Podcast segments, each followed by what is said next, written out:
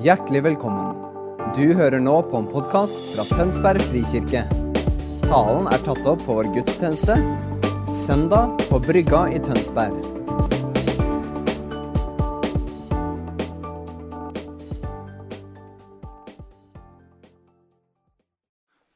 Ja, kjære alle sammen der hjemme. Dere kan glede dere. Som Anette sa, så er det ikke så lenge til vi kan begynne å samles på brygga igjen. Og jeg fikk en liten forsmak på morgenen i dag når vi sto her, gudstjenestemedarbeidere, på behørig avstand eh, og hadde regimøte. Så, så fikk jeg en liten smak igjen av det jeg setter så uendelig pris på. Nemlig fellesskapet av dere folka. Som er kirka, som er menighetsfamilien vår og som vi gleder oss over å leve livet sammen med, gjøre livet sammen med og møtes regelmessig sammen med her på brygga. Så snart er vi der igjen. Men nå er det altså livestream. Det er ikke første gang vi er digitale. Vi har hatt podkasten vår i mange år. Og, eh, I disse unntaksdagene så har vi også hatt eh, en type livesending på Facebook, og en del av dere har fulgt oss der. Men dette er altså første gang vi kjører frikirken.tv et lite juhu. Ja, ja. Der hører dere. Jeg er ikke alene. Dette er ikke fake, men dere er ikke fullt så mange som vanlig. Nei. Men det går bra. Dere um, Det er kanskje noen av dere som har funnet veien til Frikirken TV i dag også, som ikke følger oss her på brygga til vanlig. Um, velkommen til dere i så fall. Og For å gi litt kontekst til det budskapet jeg skal dele, så skal jeg si noe som vil være kjent for alle oss som hører til her i kirka på Brygga. Vi er inne i et år hvor vi har satt en stor overskrift over hele året. Så vidt jeg vet, så er det første gang vi har satt én overskrift, én tematisk overbygning over et helt år. Og vi har valgt å låne Christian Hesselberg sin sangtittel, og så har vi satt 'Gud, skriv din historie med mitt liv' som en overskrift over året. Det er en bønn det er et rop til Gud om at han må få lov til uh, å vise oss hva som er på hans hjerte for oss i dette året. Vi visste veldig lite om hva 2020 kom til å se ut uh, som når vi planla dette. Vi visste ingenting om korona. Vi visste ingenting uh, om endringer og unntakstilstand, sånn som vi er i. Men jo mer vi har bedt, jo mer vi har samtalt sammen i pastoral team og i Eldsterådet, jo mer vi har vært sammen og delt av liv i denne tida, jo tryggere er vi på at 2020 dere, er et år hvor Gud i sannhet ønsker å skrive sin historie med ditt og mitt liv. Hvor han på nytt igjen vil skrive sin gode vilje, sin hensikt og sin plan inn i den enkelte av våre små livsfortelling, inn i våre hjerter, inn i våre tanker, på en sånn måte at han kan gi oss en ny retning for de åra som ligger foran. Helt i det naturlige vil 2020 være et år vi snakker om før og etter. Men jeg tror også det er noe på Guds hjerte som gjør at vi kommer til å snakke like mye om det når vi ser tilbake på dette året. Vi ante ikke at dette året skulle handle om en ristart i det ytre. At alle rutinene skulle stoppe opp. At isolasjon gjorde at vi ikke reiste som før, jobba som før. Um, vi visste ikke noe om det der. Men jeg hører fra veldig mange i akkurat disse ukene dere, at det er mange som får tak i akkurat som noen djupere lag i sitt eget indre. Og Mange av dere sier også at dere har en relasjon til Gud i denne tida som er annerledes på en god måte. Og dere, det er faktisk ikke så rart. Fordi det er nemlig sånn eh, at når vi lever dagene våre, hverdagene våre på det jevne, så har vi rutinene. Eh, og Stian Aarebrot han har eh, gitt ut boka 'Plastisk teologi kunsten å forme et liv'. Og I den boka så lærer han oss at hjernen er laga sånn at vi automatisk lager rutiner ut av de tingene vi gjør. Og det gjør vi for å bruke minst mulig eh, energi på det vi gjør. Med andre ord, i det øyeblikket du har fått en rutine, i det øyeblikket jeg har etablert en rutine, så gjør jeg det helt uten å tenke meg om. Og Det er bra hvis det er en god ting. Ikke fullt så bra med uvanene, som også har akkurat samme greia ved seg. Men dere, nå som det er krisetid og unntakstid, så gir det oss en helt gyllen mulighet til å komme i kontakt med vårt eget indre, våre egne tanker, våre egne følelser, og også med Gud på en ny måte. Fordi at alle disse automatiske mønstrene, alle rutinene og rytmene er satt til side. Ting har stoppa opp. Og plutselig så begynner vi å tenke på nytt, gjøre valg på nytt, reflektere på nytt. Og så får vi tak i nye, nye dybder. Vi har fått lov til å hoppe ut av hamsterhjulet som alle sammen var en del av løp på. Og så kommer vi i kontakt med djupere lag i oss sjøl. Og da skal vi heller ikke være forundra over at Gud bruker denne tida på en god måte til å tale til oss. Og jeg hører at mange av dere vitner om hvordan Den hellige ånd bringer opp ting i livet deres. Bringer opp ting som dere ikke har vært bevisst på, kanskje, eller som ikke har vært helt opplagt, opplagt, for dere. Ting som har gjort noe med dere. Og så er det veldig nåde. Veldig mye nåde hver gang Gud gjør det ved sin ånd. For hver gang han avslører, så er det for å løfte av og sette fri. Sånn at vi skal få slippe å bære, dra på og være i de tinga som faktisk ikke gjør livet våre godt.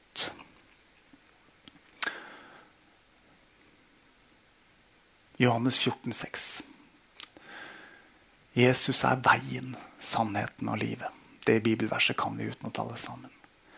Og det er så lett å kvote bibelord dere som vi kan utenat. Så blir det nesten en rutine også. Og så glemmer vi essensen av at det der er et veldig fortetta ord som bærer sannhet i seg. Jesus er veien for ditt og mitt liv. Han er sannheten i ditt og mitt liv. Og det virkelige livet, dere, det finner vi bare i relasjon til Jesus. Og det budskapet som, som Gud har lagt på hjertet mitt og forma i meg, og som jeg skal dele med dere denne dagen, det, det har jeg også båret lenge. da. Og så har jeg satt den overskriften 'Troens lydighet'. Og at det handler om en relasjon til Jesus, og ikke om disiplin. Jesus er den som ønsker å bringe oss til det gode i livet. Han ønsker å gi livet vårt retning. Retning inn mot det han har for oss. Det som er til det gode for oss. Og dere, Når David kan si i Salme 84 at én dag i dine tempelgårder, Herre, er bedre enn tusen dager ellers, hva er det David har catcha da? Dere, Når vi begynner å kjenne at Gud berører livet våre, når livet og kraften og kjærligheten fra Han strømmer inn i å berøre våre liv, da visner alle de andre tinga som vi veldig ofte er opptatt av og bruker mye tid og krefter på. Jesus ønsker å være veien og sannheten og livet for deg. Og Hvis han ikke er det for deg enda, så slå følge noen minutter til. Kanskje dette er dagen hvor du skal få la han forbli det for deg også. Jeg skal dele to fortellinger med dere. Den ene fortellingen er fortellingen om Jonah i Bibelen. Og den andre er i korte trekk livsfortellingen til Catherine Kullman. En eh, som eh, er en markant person i kirkehistorien.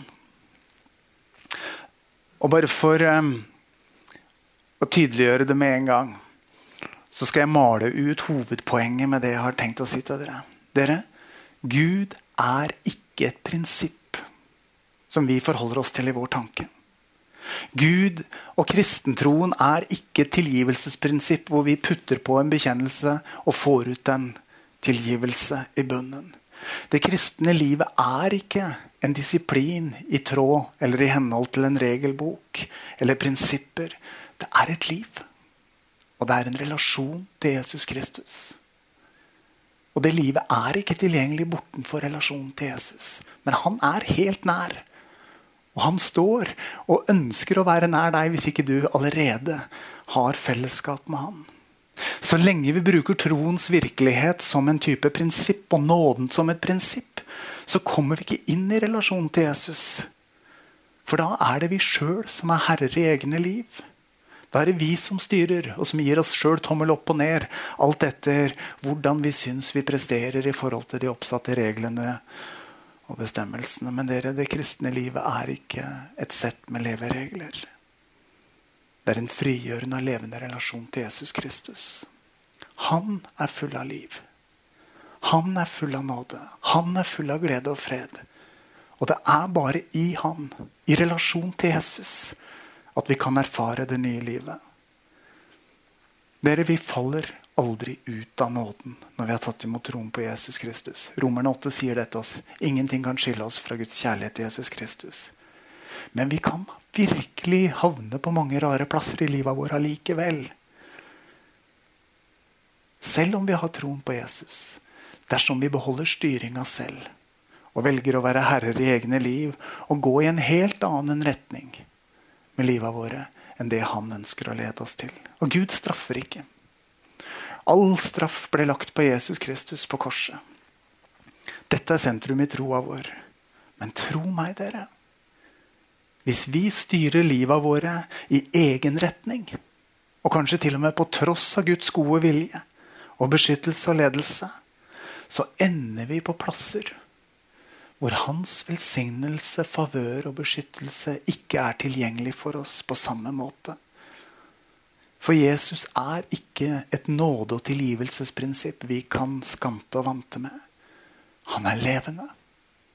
Han er nærværende i våre liv. Han er full av kjærlighet. Og han tvinger ikke. Så hvis du og jeg velger å gå fra han, så får vi lov. Og det får av og til konsekvenser som ikke er gode for oss. Ikke fordi han dømmer oss, men fordi vi velger å gå vår egen vei og mister den velsignelse, beskyttelse og favør som er i Jesus. Og fordi dette er sant, så er det så viktig for meg dere, å undervise for oss, sånn at vi kan catche dette med troens lydighet, som er relasjon til Jesus, overgivelse til og etterfølgelse av Han. For det er bare der det er faktisk bare der gleden og freden og kjærligheten i kristenlivet er å finne. Å leve eh, kristenlivet uten relasjonen til Jesus, det er liksom bare å få pliktene og krava. Men i Jesus får du gleden og freden og kjærligheten. Og la, oss, la oss speile livet våre litt dere, i et par fortellinger. Jonah først. Dere kjenner søndagsskoleteksten. Det er ikke så ofte jeg har prekt over den, men jeg ble minnet om den når dette budskapet begynte å folde seg fram. Jonah er denne mannen som hører Guds røst og, og kall over livet sitt, og som ikke lyder Gud, men som går en annen vei. Gud kaller Jonah til å reise til Ninneve med et domsord, men eh, Jonah velger båten til Tarsis isteden. Eh, Gud kaller han til å bringe et advarselsbudskap, men Jonah tenker at nei, jeg går en annen vei. Han turte ikke, eller ville ikke, det vet vi ikke. Det sier ikke ordet så mye om. Men han la iallfall denne planen.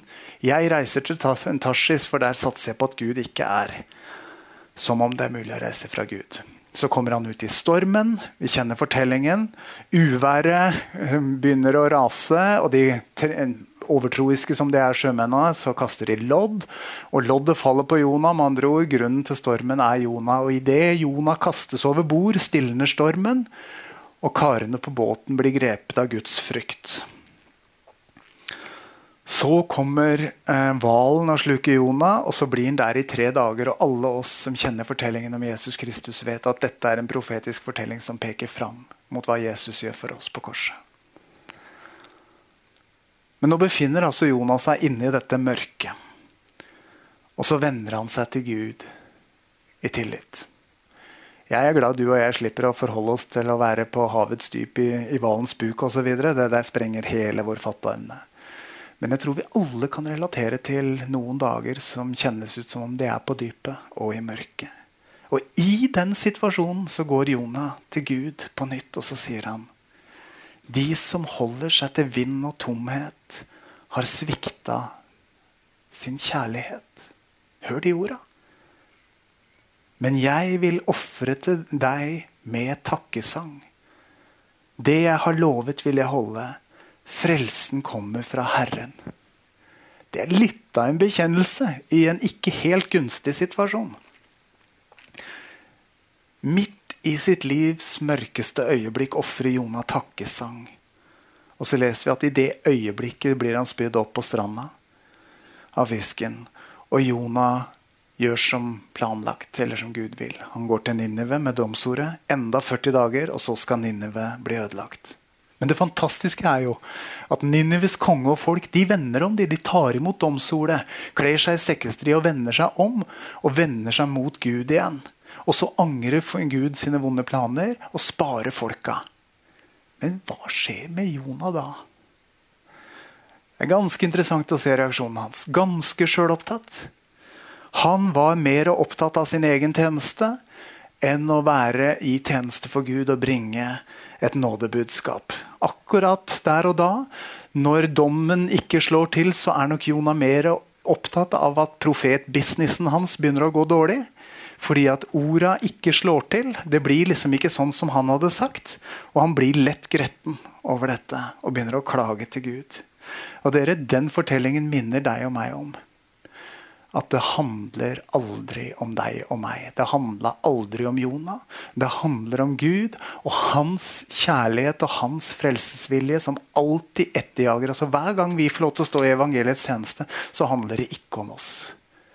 Det handler om at vi får lov til å bringe mennesker i relasjon til Jesus.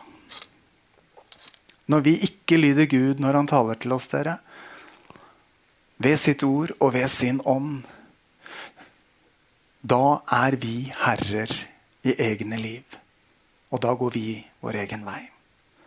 Og konsekvensene av det kan være mange og ikke alltid gode. Sjøl om vi fortsatt tror på Jesus. Og dere, det er her det dirrer. Jonah trodde på Gud, men han gikk sin egen vei og kom ut av Guds plan og vilje med livet sitt. Og hjertet hans ble hardt og sjølopptatt. Ja, men dette er jo før korset, kan vi tenke. Ja, men hovedbudskapet mitt i dag dere, er at den samme åndelige lovmessighet og prinsipp gjør seg gjeldende også under korset i nådens tid, i tru på Jesus. Hvis du går din egen vei, hvis du velger å være din egen herre, så møter du livet og konsekvensene av valga dine. Og har du valgt å posisjonere deg utenfor Guds plan og vilje med livet ditt, så vil du ikke være på en plass hvor hans favør og nåde og beskyttelse er tilgjengelig. Gud vil gjerne gi deg det, men da må du vende om. Når Gud blir et nådeprinsipp, kan noen til og med bruke kjærligheten som argument for å gjøre det motsatte av det Guds ord sier er hans vilje.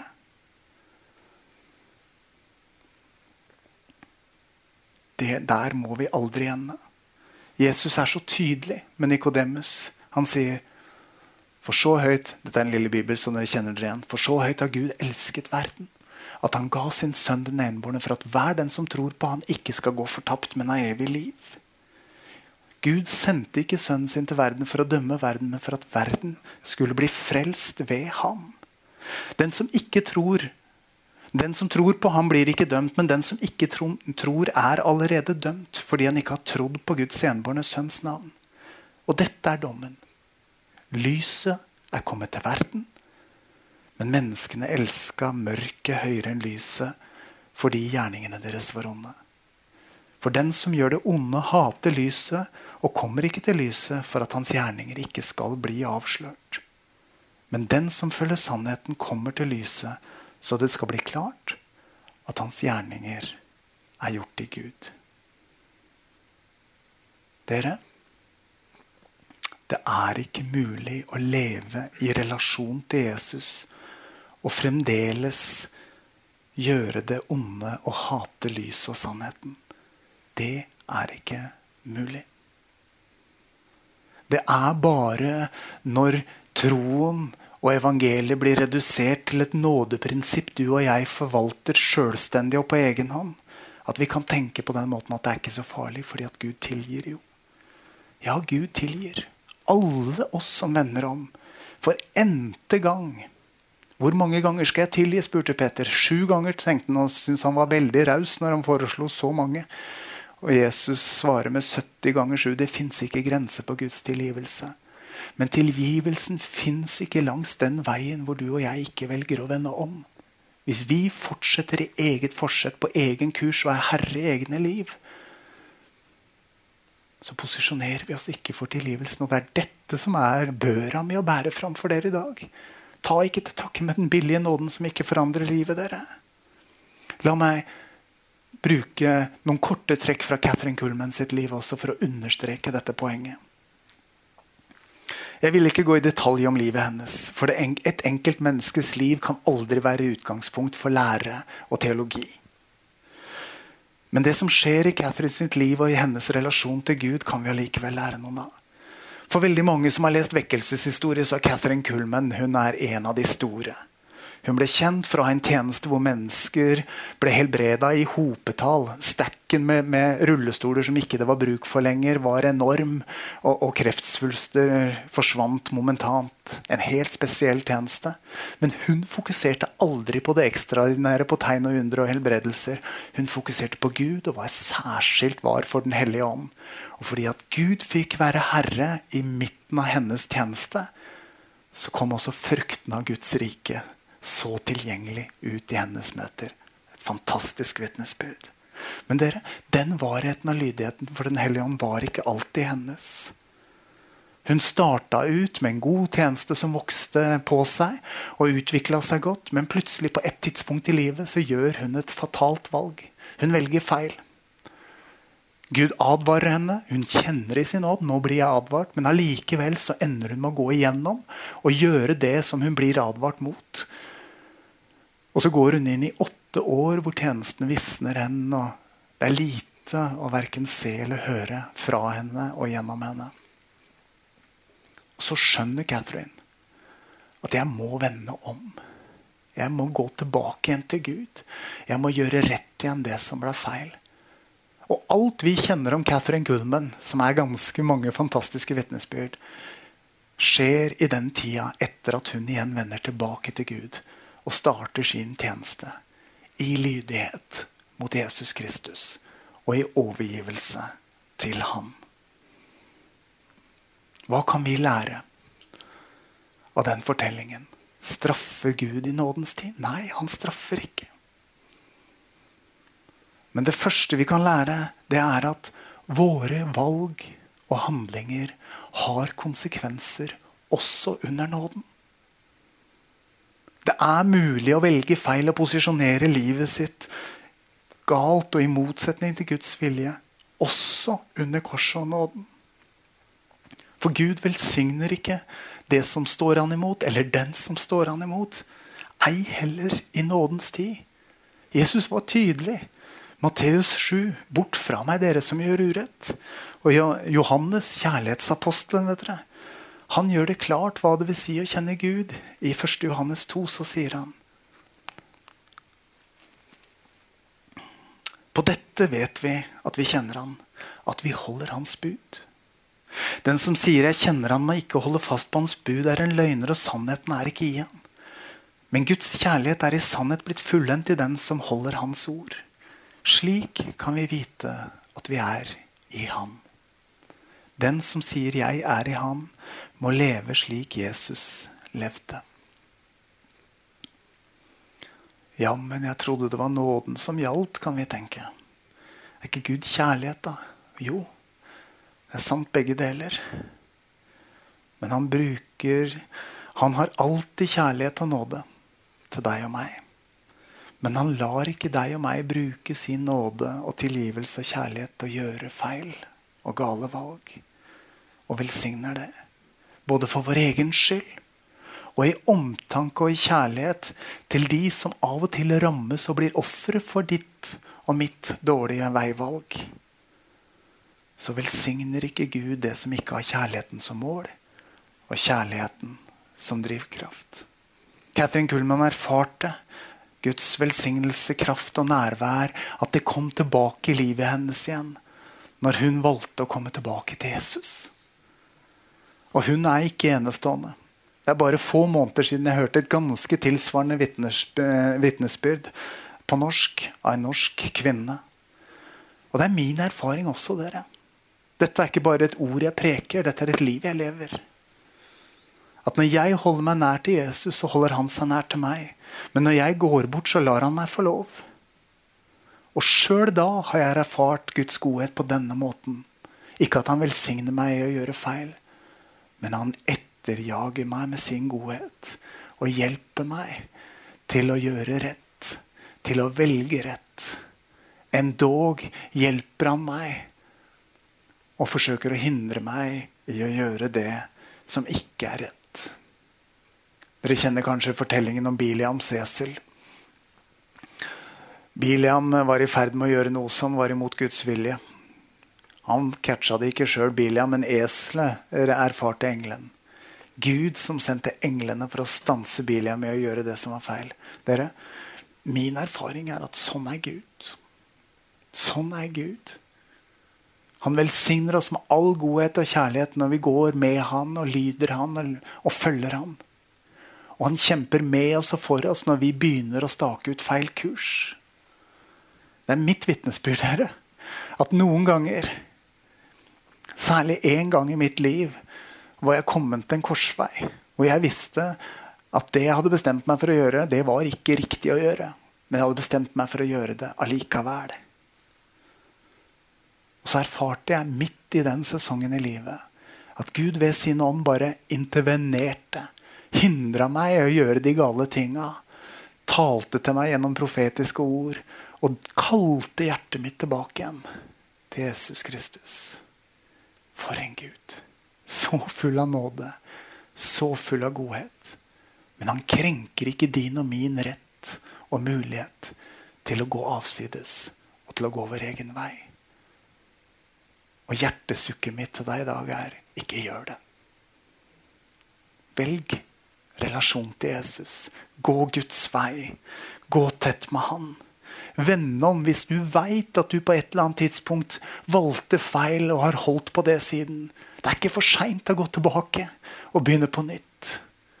Hvis du veit at du har latt ting lande i og bli i og påvirke livet ditt som du vet Helligånd har minnet deg om, gi slipp på det. Vend om. Kom tilbake der nåden og gleden og freden er. Kom tilbake igjen til Jesus. For han vil relasjon med deg. Han er ikke dommeren. Han er ikke regelboka. Han er frelser, bror og venn. Uten relasjon til Jesus, dere, uten at Jesus er herre i livet våre, blir orda om Guds rike bare informasjon. Men Guds rike består ikke i ord, men i kraft, sier Bibelen. Og kraften er tilgjengelig for alle oss som kroner Jesus som Herre i våre liv. Helt til slutt. Et lite eksempel fra Det gamle testamentet som understreker det jeg har sagt. Når israelittene, Israels folk, skulle innta det lovede landet, så var det ikke fordi de var militært overlegne og hadde all den kraft som skulle til, som gjorde at de kunne få lov til å komme inn i det lovede landet etter at de hadde reist ut av Egypt. Det var pga. Guds kraft, Guds mirakler, Guds favør og Guds nåde at han skremte de som, som, som bodde der allerede, og ga dem overtaket. Det var ikke i egen styrke. Det var i Guds kraft de kom inn i det lovede landet. Og det var i Guds nåde og kraft de fikk lov til å bli værende i landet. Helt til de begynte å gå på sine egne veier. Helt til de valgte Gud bort. Helt til de valgte avgudsdyrking isteden. Da ble plutselig folka rundt sterke nok til å ta dem til å nedkjempe dem. Hva lærer vi av det? Jo, vi lærer at i Guds rike det riket kommer vi bare inn i pga. Hans nåde. Når Jesus tar deg inn til seg, vasker deg rein, fyller deg med sin ånd og fører deg inn i et liv som du ikke har tilgang til uten at han gjør det i deg. Og det riket blir vi bare i, i Guds nåde, i relasjon til Jesus. I det øyeblikket vi velger å være herrer i egne liv og gå vår egen vei. Og trosse hans kjærlige påminnelse når han hjelper oss til det gode. Så går vi ut. Da har vi heller ikke den favør og den velsignelse og den beskyttelse over livet som Gud så gjerne vil at vi skal leve i og være i. Og den er tilgjengelig for deg i relasjon, i nåderelasjon til Jesus. Så derfor, dere, la oss ikke ta lett på nåden. Men la oss takke for den og leve i den som den dyreste skatt vi har. Gjør ikke Helligånd sorg ved å gå i retning av det som ikke er riktig. Tross ikke Den hellige ånds milde hvisking og indre stemme i deg. Når du hører han napper og leder. Når Ånden har talt, gjør vi lurt i å lyde. Selv om vi kan komme på all verdens argumentasjon som logisk sett overbeviser oss om å gå en annen vei. Vi er i annerledes dager hvor rammene har stoppa opp og vi får kontakt med det djupere laget i livet våre. La det være dager hvor også Jesus får lov til å komme og berøre deg på nytt. La ham få lov til å pirke bort hjertet ditt. Løfte ting opp i bevisstheten din og vite at hver gang han løfter opp noe, så er det for å løfte av. Aldri for å avsløre og for å anklage. Bare for å hjelpe til frihet og ny nåde og godt liv. Guds nåde er virksom i disse dagene. La den virke på deg. Og Har du fulgt med meg disse minuttene og hørt meg tale og aldri har sagt ja til Jesus i hjertet ditt, så kan du be denne enkle bønnen sammen med meg nå. Og så kan du tre inn i den virkeligheten som jeg har fortalt deg om. Og har du vært på dine egne veier lenge og vært langt borte fra Jesus, så be denne bønnen også som din bekjennelse og ditt valg om å gå helt nært, helt inntil Jesus enda en gang.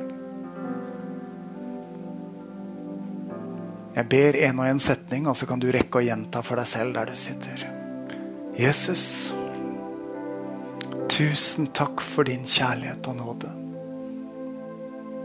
Tusen takk for at du døde og sto opp for meg. For å gi meg nåde, tilgivelse, ny start og blanke ark. Og håp om et evig liv med deg og med mine. Jesus, jeg gir deg all ære. Jeg gir deg all takk. Jesus, vær herre i mitt liv. Led meg ved din ånd. Gjør meg til et redskap for din kjærlighet. Velsign meg så jeg kan være til velsignelse. Amen.